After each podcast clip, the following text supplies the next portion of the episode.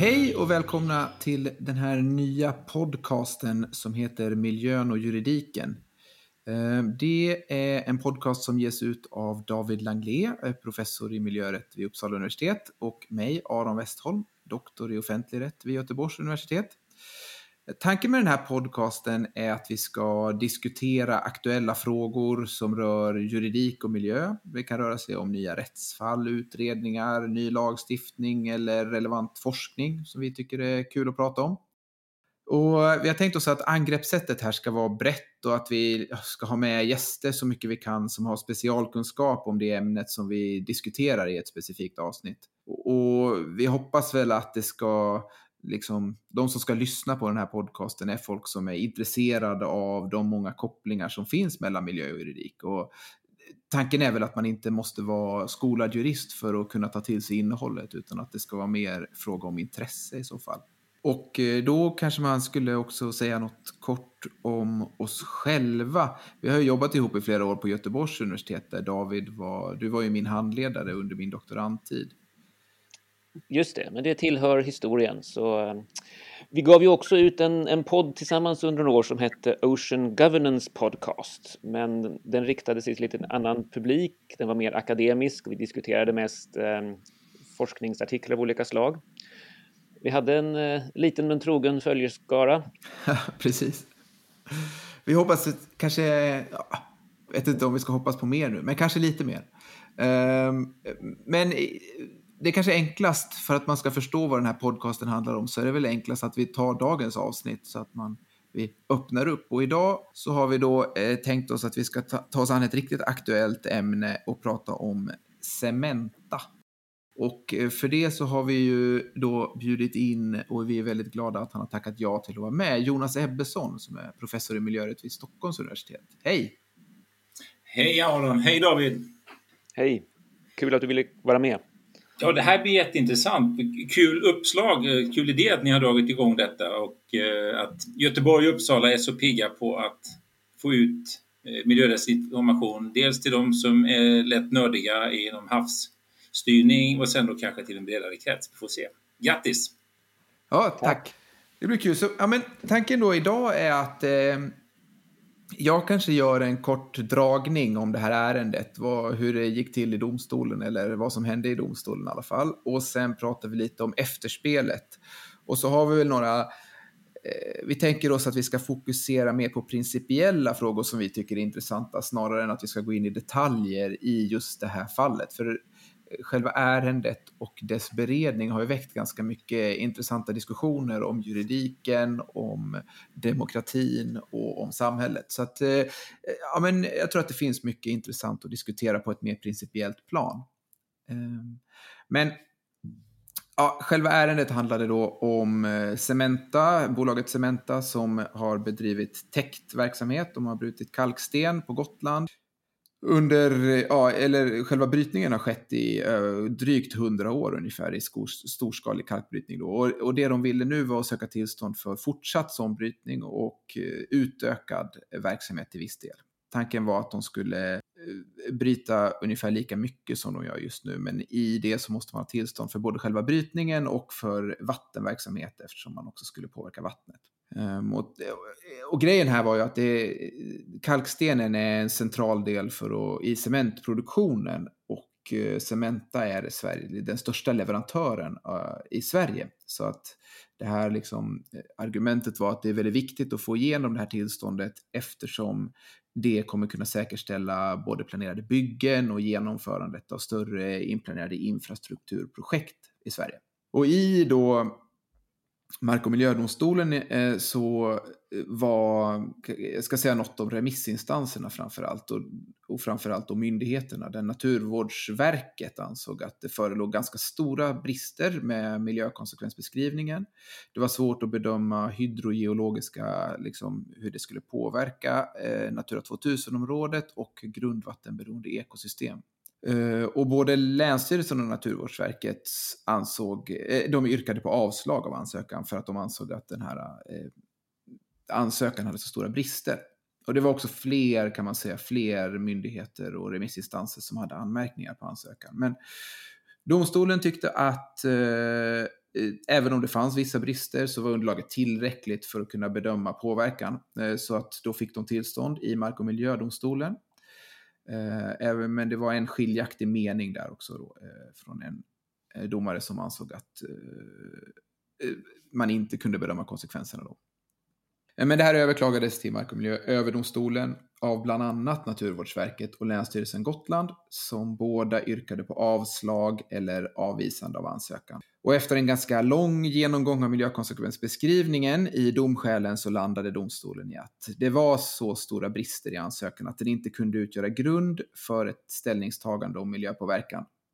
Och därför eh, ansågs det föreligga ett processhinder för prövning av verksamheten och Cementas ansökan avvisades.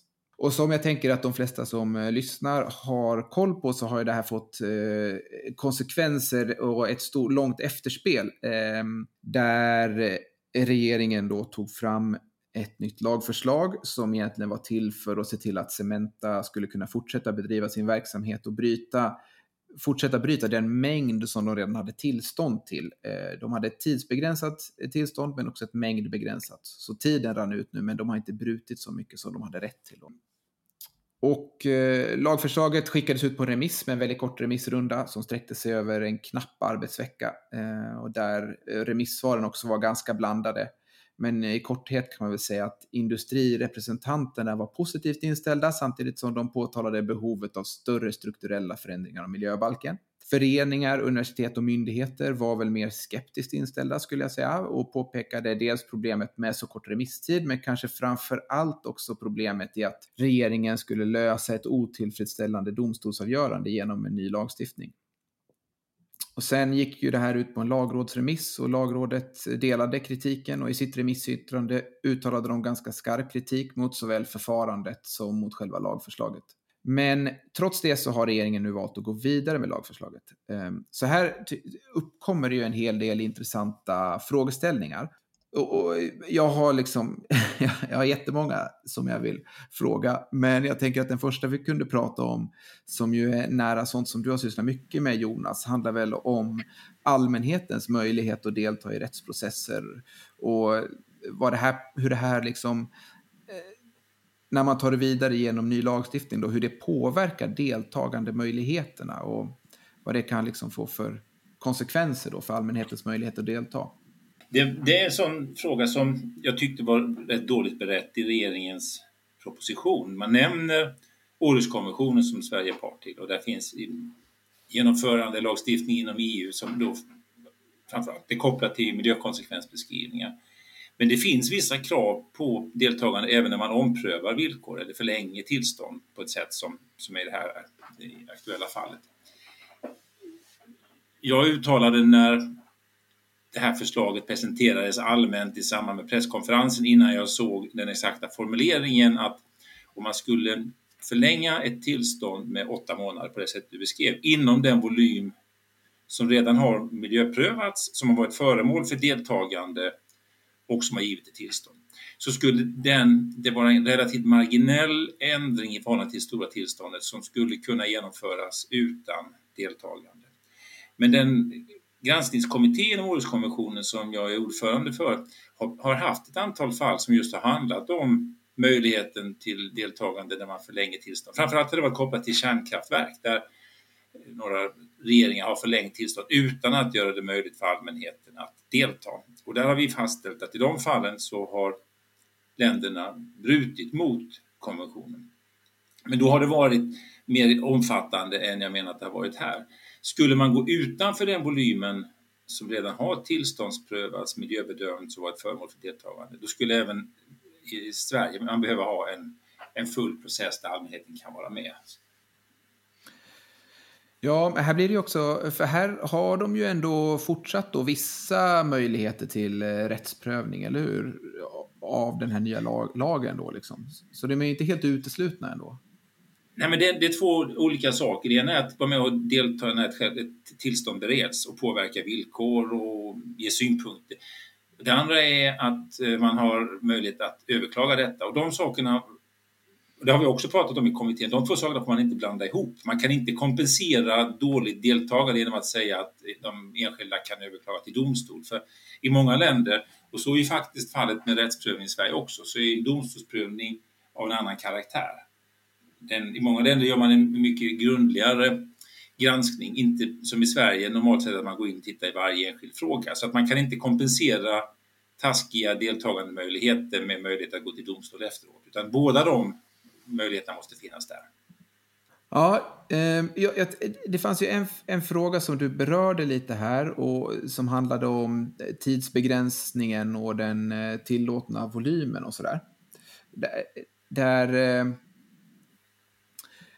det är någonting som tas upp också i många av de här remissvaren att eh, de eh, verksamhetsutövarna vill ha tidsobegränsade tillstånd och istället införa enbart volymbegränsningar. Kan ni se några problem? Vad skulle problemen vara med det, tänker ni? Jag tänker mig att eh, en tidsbegränsning och en volymbegränsning fyller ganska olika syften. En, en volymbegränsning säger ju någonting om kanske den geografiska yta som kommer att beröras av täkten, alltså hur mycket material man helt enkelt tar bort. Och det är ju på något sätt den mest konkreta omedelbara effekten. Men en tidsbegränsning skapar ju en, liksom ett tillfälle till och gör nödvändigt att på nytt utvärdera täkten i ljuset av alltså den kunskap och de samhällsfaktorer som finns eh, vid en, en, en, så att säga, en senare tidpunkt, kanske 10, 20, 30 år efter att man gjorde den initiala prövningen. Eh, omvärlden kan ha förändrats, lokal, alltså faktorer runt omkring kan ha förändrats, teknik kan ha varit eh, utvecklats. Det finns ju möjligheter att eh, ompröva eller uppdatera tillstånd eh, under deras giltighetstid. Men det vet vi ju av erfarenhet att det utnyttjas inte i särskilt stor utsträckning. Kanske framförallt därför att det lägger en ganska stor börda på, på myndigheter ehm, att då ta fram underlag och initiera det här. Och det, det, ja, det vet vi att det, det händer sällan. Så jag skulle säga att det finns nackdelar med att eh, ta bort tidsbegränsningen. Sen måste man naturligtvis eh, väga för och nackdelar. Men jag tror att om man ska ta bort tidsbegränsning generellt så måste man se till att eh, det finns resurser och kapacitet att då initiera omprövningar när det är påkallat. Jag håller med David om det. Och eh, om man ser hur tillståndsförfarandet generellt utformats från 70-talet och framåt så var det ju från början så att tillstånden ofta sattes på obegränsad tid. Sen har man i takt med att miljölagstiftningen har utvecklats också infört tidsgränser. Vi kan se hur man började göra det i EU-lagstiftningen och man har gjort det i Sverige också. Av de skälen som David säger, jag håller helt med, det kan vara att omständigheterna har förändrats. Det kan också vara att sättet vi värderar och ser på frågor kan förändras under en viss tid. Och sen finns det ett annat viktigt skäl tycker jag med att ha tidsbegränsningar. Det är att tala om att det här är inte en för alla tider och alla förutsättningar given rättighet man får hålla på hur lång tid som helst.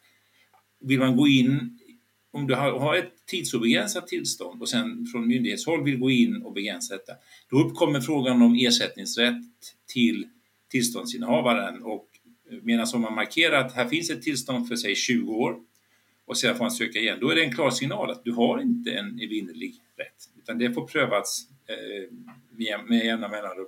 Sen gäller det att hitta en bra balans, att det ska inte ske vartannat år. Man måste fatta att de här prövningarna är kostsamma och eh, omständiga och man kanske i vissa fall skulle kunna ha ett lite mindre ingående förfarande om det enbart att, handlar om att förlänga tiden men under samma, i övrigt samma förutsättningar. Men jag tycker också att både volym och tidsgränser är helt rimliga för den här typen av verksamhet. Ja, det kan man, ju, man kan ju dra erfarenheter från vattenverksamheterna där tillstånden generellt har varit tidsobegränsade. Där blir det ju ganska långdragna, men jag tänker också kanske snäppet mer konfliktfyllda processer för att då är det någon som eh, liksom upplever sig ha den här rättigheten då. Och man har ju ett lagakraftvunnet beslut och eh, och då när en myndighet kanske vill ompröva tillståndet så blir det mer, ett mer konfliktfyllt än, än, och mindre en liksom naturlig del av verksamheten att man måste söka nya tillstånd. Då. Mm, ja. Och bördan hamnar också på den som vill stoppa det. Och det är viktigt att den som bedriver verksamhet, vatten, eh, verksamhet, miljöfarlig verksamhet generellt, det som i det här fallet täktverksamhet, den måste alltid kunna motivera grunderna för att ett tillstånd ska ges. Så att, men en fråga som, som många av remissinstanserna, eller någon av remissinstanserna lyfter upp är ju i alla fall att eh, ja, men, eh, om vi bara har mängdbegränsning och inte tidsbegränsning så har vi större möjlighet att ta in annat material, och så, så för att återvinna material. Och så kan vi vänta med att bryta så länge vi har ett inflöde av återvunnet material. Men om vi har en bortre tidsgräns för hur länge vi får hålla på med brytning, då kommer vi snabbare ge oss på då de här, det jungfruliga berget eller så. Vad säger ni om en sån eh? Ja, men lite är det väl så att med hur man än utformar ett system så uppkommer det någon form av incitament som kanske inte är optimala. Men jag tänker det, det Jonas säger att um, om man kan så att säga göra en prövning som enbart handlar om förlängning av tid eh, lite enklare och mindre kostsam så skulle det vara någonting som ändå skulle kunna balansera det här, liksom, tänker jag. Sen är det ju kul, det, kul det, du beskriver, då är det ju som att en bransch tar fram ett argument där det själv låter som att den ska agera lite i god tro, lite omdömeslöst bara för att den ska förbruka upp någonting under ett tillstånd. Företagen gör ju det här på kommersiella grunder och kan man då hitta incitament för att använda annat material och så tror jag vi kommer att få se nu i den här Cementa-situationen man får börja leta efter det som kanske från början uppfattas som lite sekunda material som visar sig att det går nog att använda det här också. Men jag menar om företagen börjar leta efter detta så det är inte, det är inte ett skäl, tycker jag, att man inte skulle ha tidsbegränsat. Dessutom, företagen kan ju då göra en, en investeringskalkyl. Man bryter under 20 år. Hur mycket är det värt att investera? Och det blir mer transparent, tycker jag, för, för alla intressen och alla aktörer. Ja, det eh, kopplar ju till en annan fråga som också lyfts mycket, just det här långsiktigheten och förutsebarheten. Där eh, många av industrirepresentanterna påtalar att ja, men vi måste ha väldigt eh, långa tider och lång förutsägbarhet för att kunna ha råd att våga satsa på klimatomställningar i vår bransch. Alltså till exempel då forska på ny cement som är mindre klimat eh, liksom, eller vad man ska säga. Är det så att, eh, för jag menar, Eh, jag tänker på det så här, de har tillstånd, de gäller 15-20 år kanske och eh, då vet man att eh, sen måste jag söka nytt tillstånd. Ehm, men just förutsebarheten är någonting som diskuteras väldigt mycket av industrirepresentanterna då i remissvaren. Att vi måste få bättre förutsebarhet för att kunna ha ett långsiktigt tänk i vår verksamhet. Är, upplever, är miljörätten oförutsägbar? Upplever ni att den är det?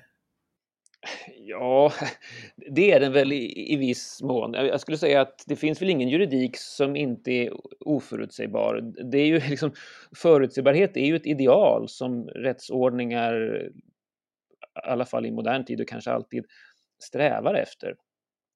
Men eh, jag tror den är, den är ju inte uppnåbar, så att säga. Vi skulle ju inte behöva prejudikatsinstanser och liknande om vi hade en total förutsägbarhet. Och jag vet inte om, om oförutsebarheten så att säga är större inom miljörättens område. Däremot så är det väl en, möjligen en komplicerande faktor att det både är ofta väldigt komplexa tekniska och naturvetenskapliga bedömningar som ska göras. Och där kan man så att säga hamna i olika slutsatser beroende på vem man är och, och, och hur man ser på det hela. Och sen kommer komplicerade rättsliga bedömningar ovanpå det. Men det är ju inte unikt för miljörätten, men det kan kanske vara lite mer framträdande i miljörätten jämfört med många andra områden. Det är ju svårt att jämföra med andra områden. ska man jämföra miljörätt med familjerätt eller kontraktsrätt där man köper och säljer enskilda produkter? Det, det, det, den jämförelsen vet jag inte hur relevant den är. Man måste se, det är så mångfacetterat. Om, om vi tar Cementa som ett exempel så finns det så mycket i faktorer i detta. Vikten av att ha tillgång till cement, det skapar arbetstillfällen, det påverkar grundvatten, det påverkar naturområden som är känsliga, det påverkar klimat, det påverkar transporter. Man måste bara inse att det är många frågor som finns med i detta. Och så försöka skapa ett system då som gör det möjligt att man kombinerar principiella vad ska jag säga, materiella regler om miljöskydd med en process som är möjlig. Och jag tycker att vi i Sverige har ett ganska bra system för detta. Särskilt om man i det här fallet beviljar tillstånd på sig 10 eller 20 år. Så under själva processen, ja, då är det rätt mäckigt. Det ska tas fram miljökonsekvensbeskrivningar, det är många faktorer som ska beaktas. Men tittar man på de här stora verksamheterna, Cementa anlitar Sveriges största advokatbyrå, Mannheim Swarting advokatbyrå. De är jätteerfarna på att jobba med de här frågorna. De, kan, de läser inte bara lagtext utan de vet ungefär hur praxis ser ut i de här målen, kan ta fram ett bra underlag. Och I de flesta fall får ju företag tillstånd. Det är inte unikt det som hände med Cementa att en ansökan avvisas. Vi har ganska flagranta fall både där Banverket har upplevt samma sak och där Arvika kommun för ett antal år sedan drabbades av något liknande. Men i de flesta fallen så beviljas det tillstånd för att i den här dialogen, eller vad man ska kalla tillståndsprocessen för, klarnas ut. Det här är vad vi vet. I de fallen man kan ange villkor så görs det. I andra fall kan man då sätta det på på någon sorts utveckling där då tillsynsmyndigheten tillsammans med verksamhetsutövaren ska utforma detta. Så jag tycker att man har tagit hänsyn mycket till verksamhetsutövarna och det ska vi också veta att när miljöbalken eh, processades fram under året så var ju näringslivet med som en viktig aktör och det var näringslivet framför allt som ville flytta över detta till domstolsprocess från att tidigare ha varit i koncessionsnämnden för miljöskydd. Så att ja, jag tycker, det är klart att man ska sträva efter förutsägbarhet, men man måste också ha ett system som är flexibelt och som också är anpassningsbart i nya situationer. Och bland annat att sätta tidsbegränsningar som inte är orimliga men som ändå är vettiga, är ett sätt att kunna förnya och tänka långsiktigt och också tycka bygga för en mer resilient process.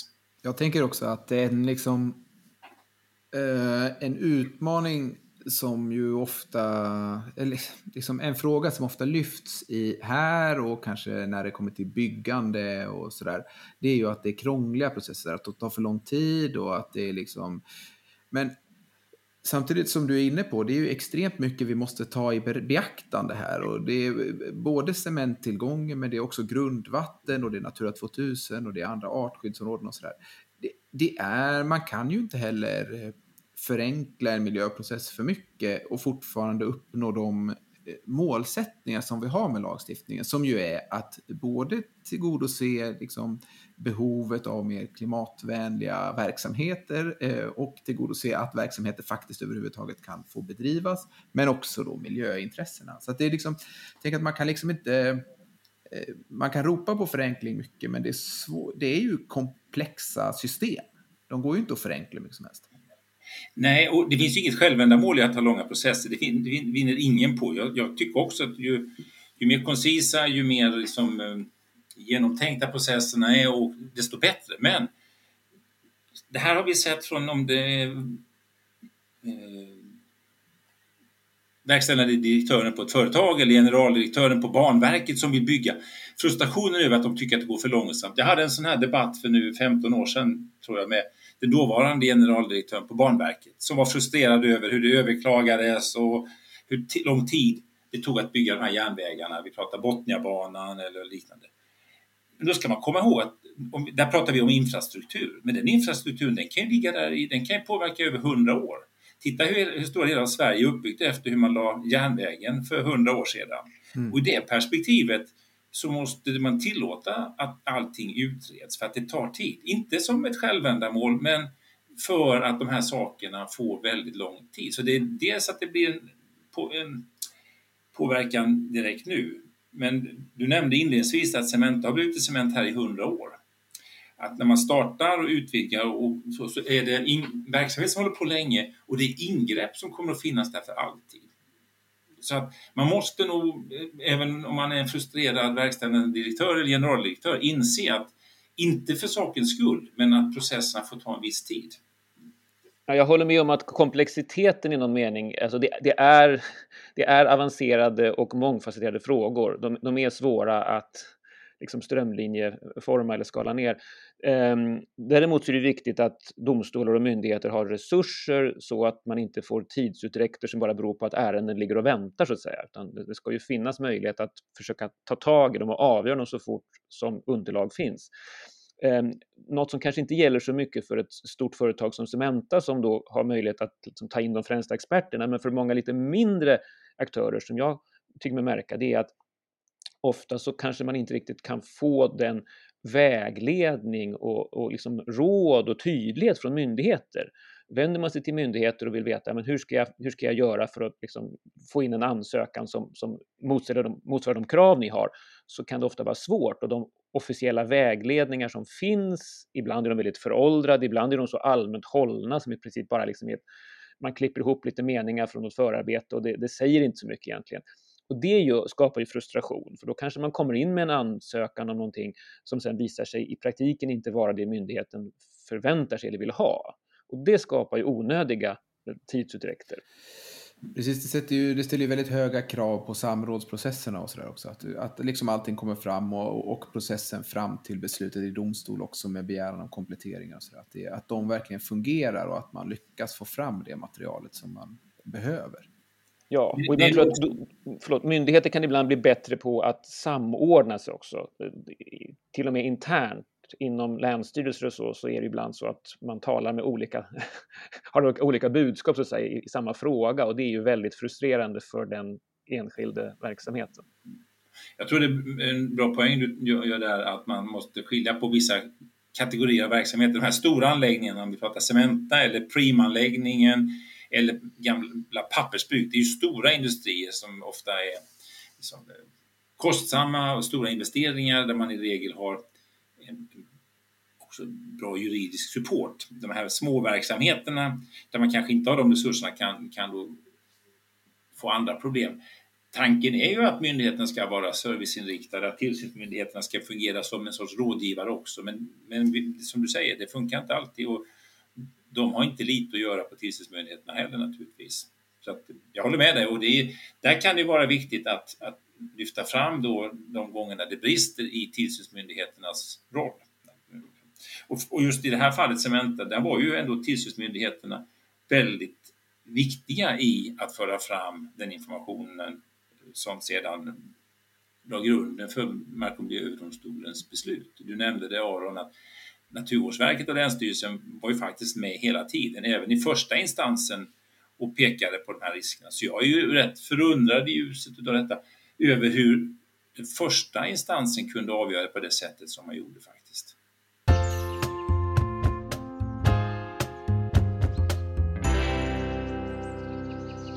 Men när vi pratar om olika typer av verksamheter, då finns det någon risk när det är så här stora verksamheter att det blir liksom att det här det här Cementa-målet kan få en prejudicerande verkan då för den här typen av väldigt starka marknadsaktörer som har en så stor plats på marknaden, i princip en monopolställning nästan. Så att de inte gör ett tillräckligt jobb för att de blir, då blir räddade av eh, regeringen med ny lagstiftning. Kan man se att är det, är det liksom, är man eh, konspiratorisk eller är det här kanske någonting vi kommer se mer av? Du menar här prejudicerande i, detta, i det här exemplet nu när regeringen går vidare med en proposition som gör det möjligt att, att eh, hantera den här situationen? Det är det, det, det jag, menar väl, jag menar väl kanske, alltså, kommer det här eh, leda till ett liknande beteende från andra för att de ser att ja, men vi blir ju räddare, räddade om vi är samhällsviktiga så kommer någon komma till undsättning och även om vi inte löser hela situationen. Liksom. Ja, det kan ju finnas en sådan risk naturligtvis. Jag tyckte att Mark och miljööverdomstolen visar på en väldigt tydlig och bra integritet att i ett sånt här mål göra den bedömningen den gjorde. Och det är en väldigt saklig, eh, när man läser det beslutet så är det i alla fall väldigt sakligt. Jag är inte expert på grundvattenfrågor eller cementfrågor, men som man ser hur den har motiverat detta och det, det stöd den hade från tillsynsmyndigheterna så tycker jag dels att den är tydlig och dels att den visar integritet. Sen i den efterföljande processen där regeringen har gått fram så här så uttalade jag, och det tycker jag fortfarande, att om det nu är en sådan kris med cement, som jag inte riktigt vet om, det, om den är så påtaglig som man har sagt, men, det, men man fick det intrycket i alla fall. Ganska snabbt kom det fram att det fanns andra sätt att leverera. Men utgår man nu från att det är en akut kris, en exceptionell situation, som jag inte tycker heller riktigt, i alla fall inte i den här processen, att man kan lasta regeringen för. Man kan göra på an, av andra skäl. Så tyckte jag att den här idén att skapa någon möjlighet för en förlängning under en kort tid inom det som redan tillståndsprövats och miljöbedömts och där deltagande proceduren hade genomförts kunde vara ett acceptabelt sätt. Även om jag inte heller tycker att det är en optimal sak. Men då så skulle naturligtvis lagstiftningen ha beretts på ett bättre sätt, inte med så kort tid som det var nu. Och lagstiftningen kunde ha sett lite annorlunda ut. Sen om det blir prejudicerande, ja, jag menar det såg, det såg vi nu i remissvaren, du nämnde detta, att det var ju flera där som tyckte att man skulle öppna upp den här typen av eh, lagstiftning med snabbare regeringsprövning på andra verksamheter. Men där får lagstiftaren försöka stå emot, tycker jag. Dessutom så är vi här förhindrade att lagstifta hur som helst nationellt på grund av EU-lagstiftning och Århuskonventionen till exempel. Mm. Jag, jag tror inte man behöver vara konspiratorisk, men om vi tittar på regleringen av banker och finansmarknadsinstitut och så, så har man ju mycket den diskussionen om too big to fail, alltså om vissa aktörer upplever sig som att eh, vi, vi, staten, samhället kan liksom inte låta oss gå under eller inte kunna fortsätta fungera för det kommer att få sådana konsekvenser. Så det leder till en, en, liksom en eller kan leda till någon slags slapphet, liksom, att man, man, man vet att man är räddad. Det finns väl ingen anledning att tro att man kan, inte kan ha en sån mekanism här. Um, samtidigt innebär ju inte det att man aldrig så att säga, kan anse att samhällsintressen är så pass viktiga så man kan ta den risken. Uh, jag tänker att det faktum att vi här talar om en volym av kalk som redan är tillståndsgiven en gång gör det ändå lite mindre känsligt i det här avseendet. För det är ju inte att man så att säga bara öppnar slussarna och så att säga fortsätter bara verksamheten, utan det handlar ändå om en, en, en verksamhet som en gång har prövats.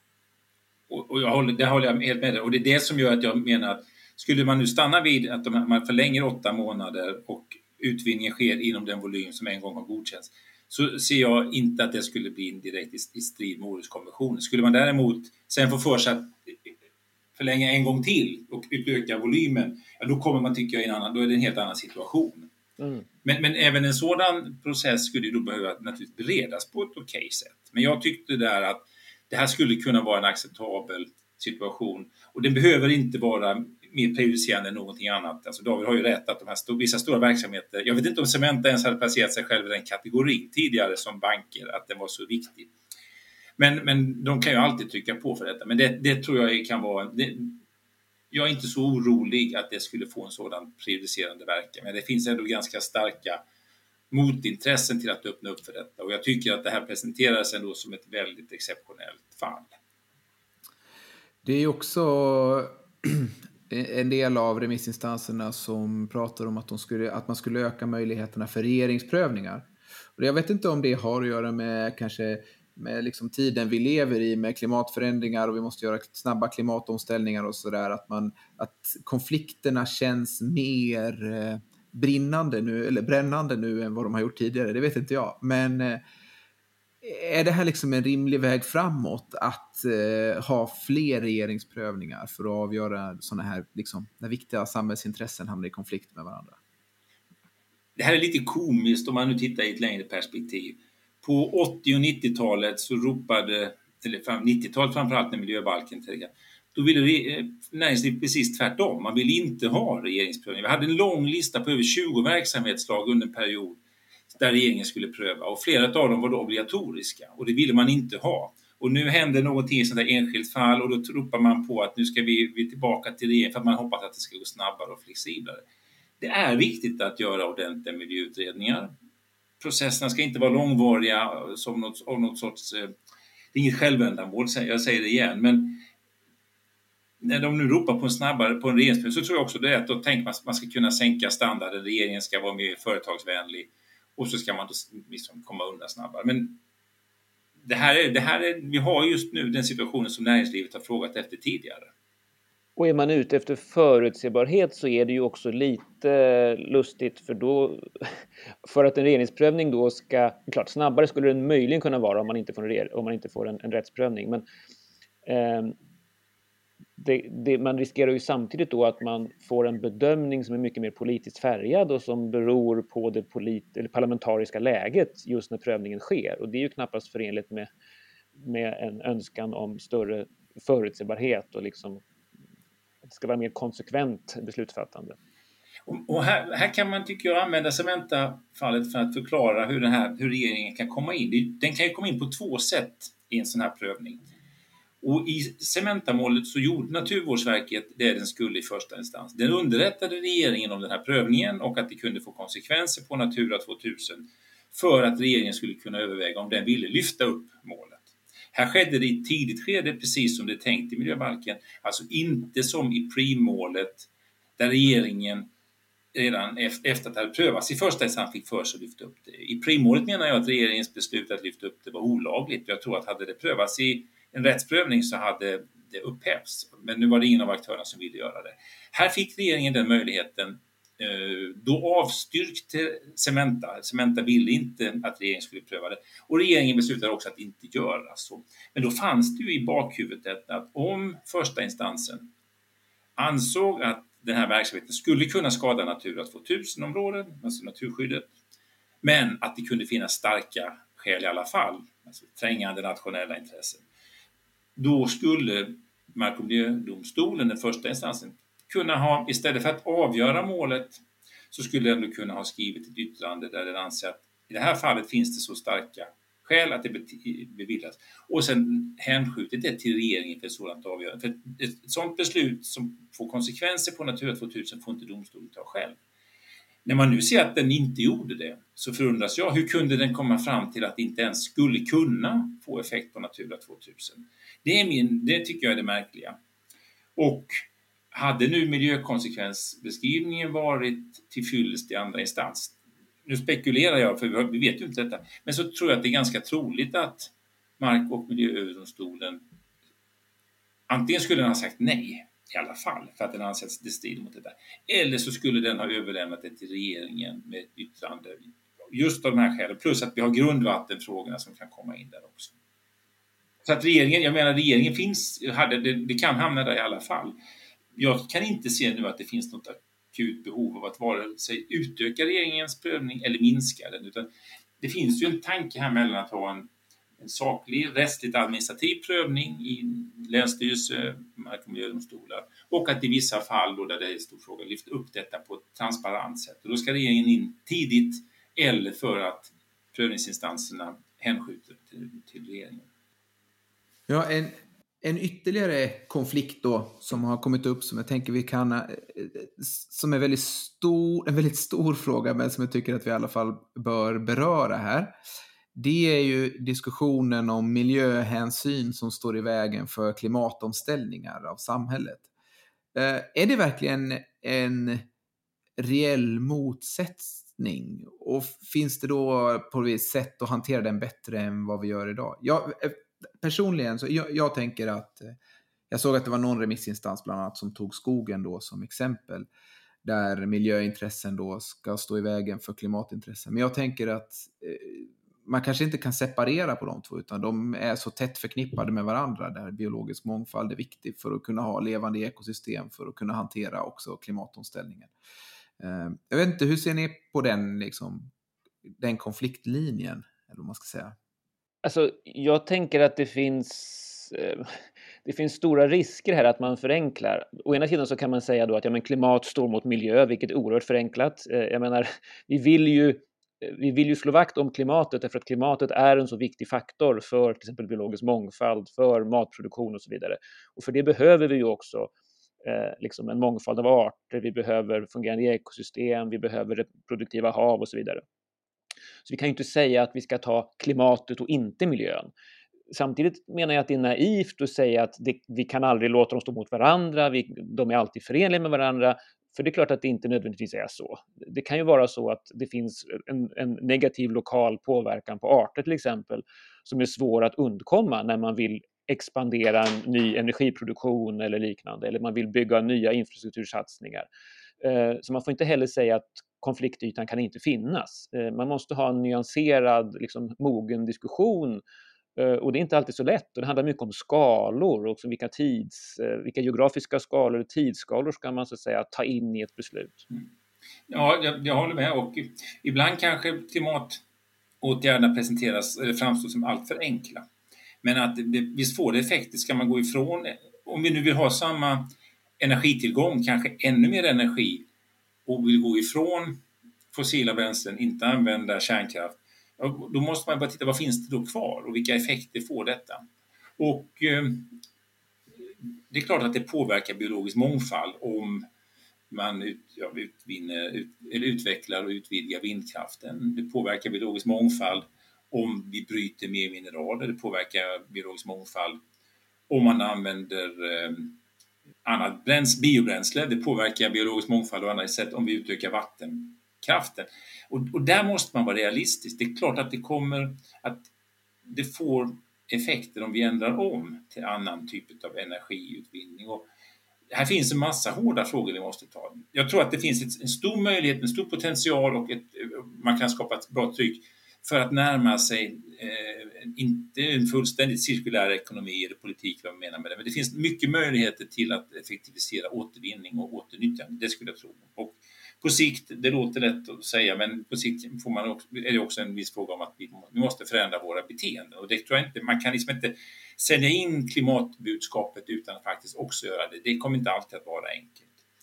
Men vi har ju några tuffa frågor. Om man nu ska ändra om från fossilt bränsle till eh, elbilar till exempel. Ja, det kom, vad, ska, vad ska de här batterierna tillverkas av? Var ska mineralerna hämtas?